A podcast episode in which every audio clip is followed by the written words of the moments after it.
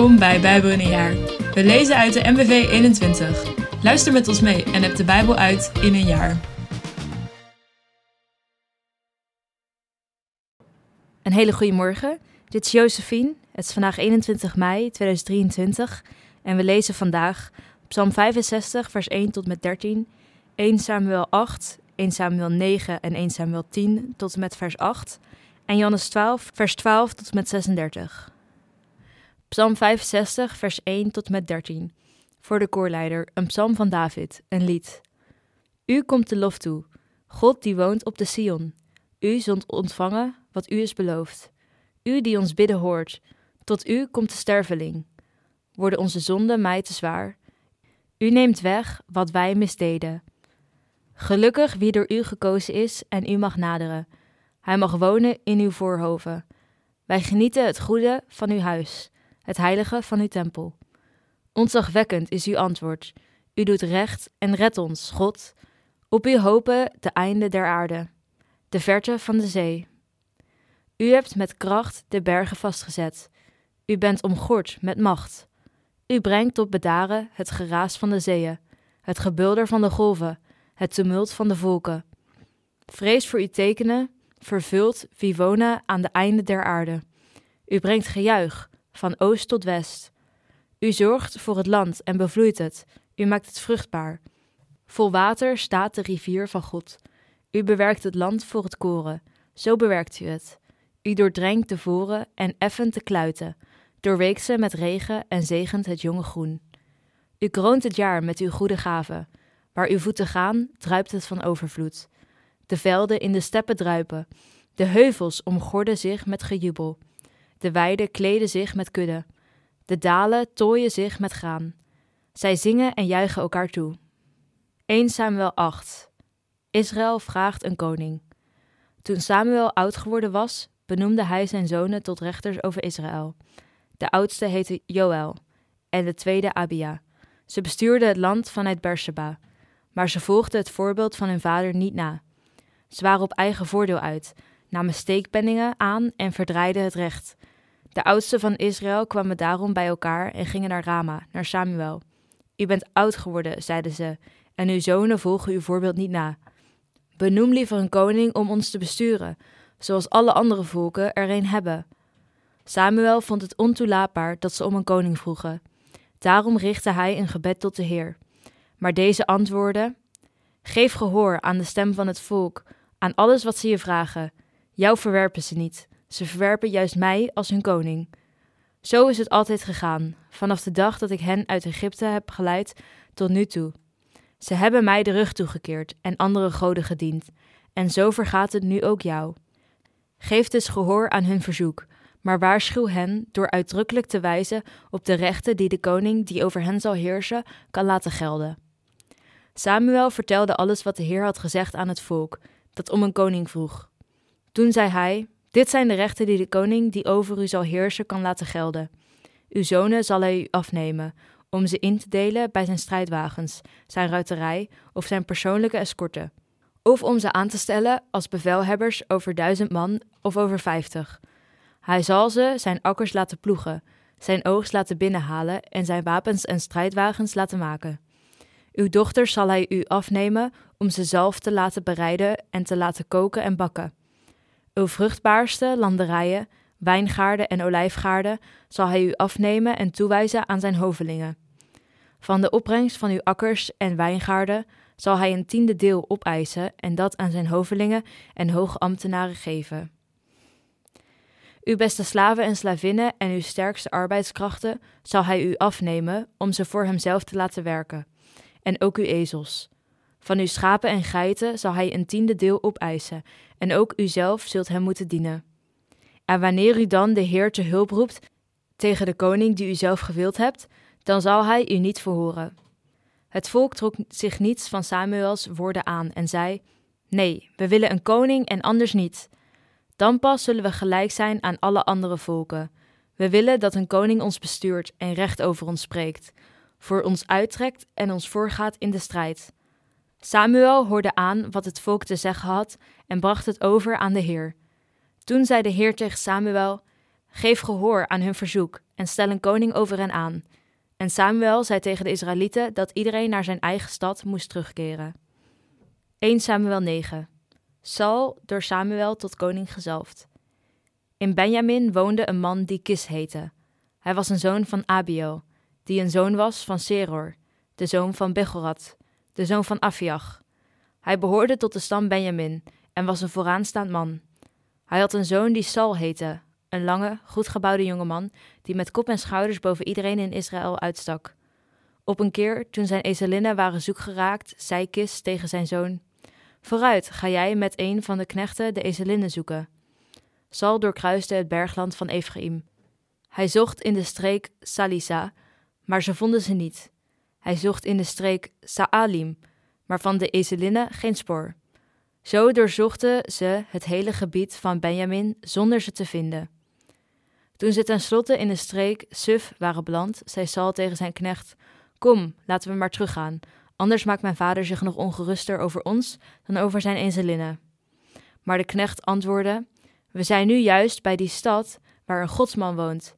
Hij staat hoog aangeschreven. Wat hij zegt komt altijd uit. Laten we naar hem toe gaan. Misschien kan hij ons de weg wijzen die we moeten gaan.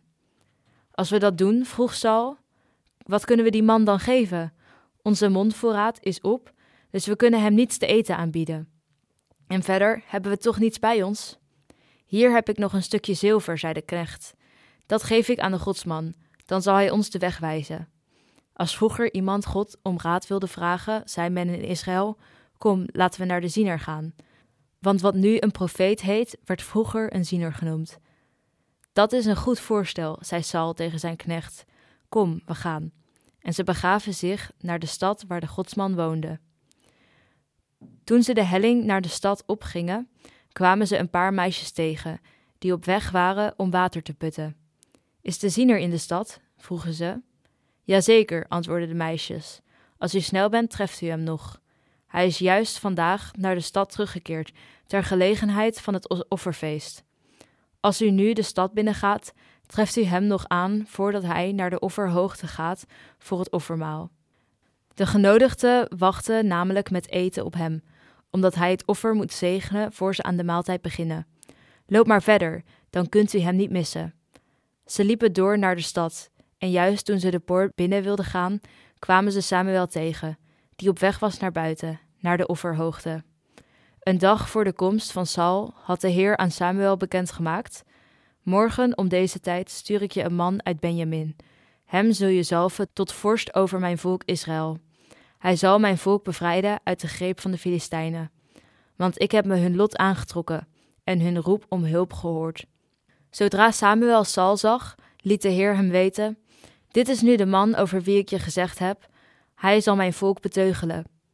In de stadspoort sprak Saul Samuel aan en vroeg hem: Kunt u mij zeggen waar de ziener woont? Ik ben de ziener, antwoordde Samuel. Wees mijn gast en ga mee naar de offerhoogte. Vandaag zult u met mij eten en morgen vroeg zal ik u uitgeleide doen. Ik zal u informeren over alles wat u bezighoudt. Wat betreft die ezelinnen die nu al drie dagen zoek zijn, maakt u zich geen zorgen, die zijn terecht. Maar naar wie is heel Israël verlangend op zoek? Naar u en uw familie. Maar ik hoor bij Benjamin, een van de kleinste stammen van Israël, wierp Sal tegen. En in die stam is mijn familie weer de onbelangrijkste. Hoe kunt u dan zoiets zeggen? Samuel nam Saul en zijn knecht mee naar de eetzaal en gaf hun daar een plaats aan het hoofd van de tafel. Er waren dertig genodigden. Tegen de bereider van het offermaal zei Samuel: Dien nu het stuk vlees op dat ik u gegeven heb, met het verzoek het apart te houden. De man nam de rechter achterbout en diende die aan Saul op. Tas toe, zei Samuel. Dit stuk is speciaal voor u apart gehouden, ter gelegenheid van deze bijeenkomst, die door mij is belegd. Toen at Saul met Samuel. Daarna gingen ze van de offerhoogte terug naar de stad, waar Samuel op het dak van zijn huis met Saul sprak. De volgende morgen, bij het krieken van de dag, riep Samuel naar Saul op het dak: Sta op, ik zal u uitgeleide doen. Samen met Samuel ging Saul naar buiten. Toen ze vanaf de stad naar beneden liepen, zei Samuel tegen Saul: Zeg tegen uw knecht dat hij vast vooruit gaat. Toen de knecht hun een eind vooruit was, zei Samuel: Blijft u nog even staan, dan zal ik u vertellen wat God met u voor heeft. 1 Samuel 10, vers 1 tot en met 8. Hij goot een kruikje olie over Sauls hoofd uit, kuste hem en zei: Hierbij zalft de Heer u tot vorst over het volk dat hem toebehoort. Daarna zei hij: Als u straks na ons afscheid verder gaat, zult u in Selsag op de grens met Benjamin bij het graf van Rachel twee mannen aantreffen. Zij zullen u vertellen dat de ezelinnen waarnaar u op zoek was terecht zijn, en dat uw vader zich daarover geen zorgen meer maakt, maar dat hij ongerust is over u en zich afvraagt wat hij moet doen om u te vinden. Wanneer u dan uw weg vervolgt en aankomt bij de Tabor-eik, zult u daar drie mannen tegenkomen die op weg zijn om God in Bethel te vereren. De eerste heeft drie geitenbokjes bij zich, de tweede drie broden en de derde een zak wijn. Ze zullen u vragen hoe het met u gaat en u twee broden geven, die u moet aannemen. Als u tenslotte in Gibea Elohim komt, zult u in de buurt van de stad bij de Filistijnse wachtpost een stoet profeten tegenkomen die in vervoering van de offerhoogte afdaalt, voorafgegaan door muzikanten met harpen, tamboerijnen, fluiten en lieren. Dan zult u worden gegrepen door de geest van de Heer en ook in vervoering raken, en u zult een ander mens worden. Tijdens de gebeurtenissen die ik zojuist heb voorspeld, kunt u doen wat uw hart u ingeeft, want God staat u bij. Ga daarna door naar Gilgal en wacht daar zeven dagen op mij. Ik zal u achterna reizen om brandoffers en vredeoffers op te dragen. Daarna zal ik u laten weten wat u verder doen moet. Johannes 12, vers 12 tot met 36. Intocht in Jeruzalem. De volgende dag was er al een grote menigte in Jeruzalem voor het feest. Toen ze hoorden dat Jezus ook zou komen, haalden ze palmtakken en liepen ze de stad uit, hem tegemoet, terwijl ze riepen: Hosanna, gezegend hij die komt in de naam van de Heer, de koning van Israël. Jezus zag een ezel staan en ging erop zitten, zoals geschreven staat. Vrees niet, vrouwe Sion, je koning is in aantocht, en hij zit op een ezelsveulen.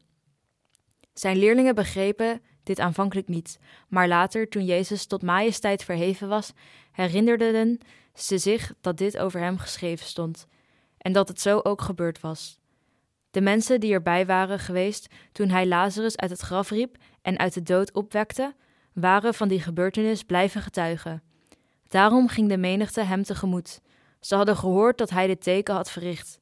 En de fariseeën zeiden tegen elkaar: Je ziet dat we niets bereikt hebben. Kijk maar, de hele wereld loopt achter hem aan. Jezus spreekt over zijn dood. Nu was er ook een aantal Grieken naar het feest gekomen om God te aanbidden. Zij gingen naar Filippus en Bethsaida en Galilea en vroegen of ze Jezus konden zien. Filippus ging dat tegen Andreas zeggen en samen gingen ze naar Jezus. Jezus zei: De tijd is gekomen dat de mensenzoon tot majesteit wordt verheven. Werkelijk, ik verzeker u, als een graankorrel niet in de aarde valt en sterft, blijft het één graankorrel. Maar wanneer hij sterft, brengt hij veel vruchten voort. Wie zich aan zijn leven vastklampt, verliest het. Maar wie in deze wereld zijn leven loslaat, behoudt het voor het eeuwige leven. Wie mij dient, moet mij volgen. Waar ik ben, zal ook mijn dienaar zijn. En wie mij dient, zal door de Vader geëerd worden. Nu slaat de angst mij om het hart. Wat moet ik zeggen? Vader, laat dit ogenblik aan mij voorbij gaan.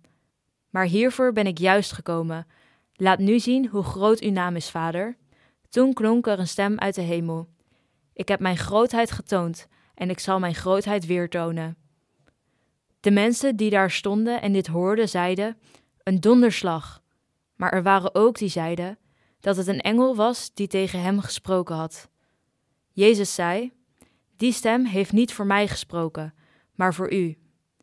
Nu wordt het oordeel over deze wereld geveld. Nu zal de heerser van deze wereld uitgebannen worden.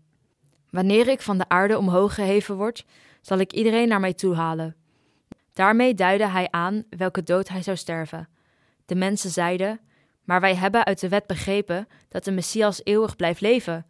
Waarom zegt u dan dat de mensenzoon omhoog geheven moet worden? Wie is die mensenzoon? Nog een korte tijd is het licht bij u, antwoordde Jezus. Ga u weg zolang het licht is en laat de duisternis u niet overvallen. Wie in het donker loopt, weet niet waar hij heen gaat. Geloof in het licht zolang u het licht bij u hebt. Dan bent u kinderen van het licht. Na deze woorden ging Jezus weg en hij hield zich voor hen schuil. Dankjewel voor het luisteren. Ik hoop je morgen weer te zien.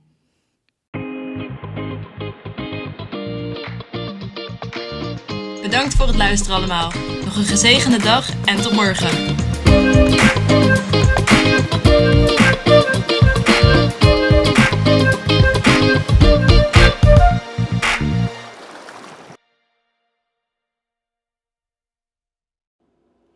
Met dank aan het Nederlands-Vlaams Bijbelgenootschap voor het gebruik van de MBV 21.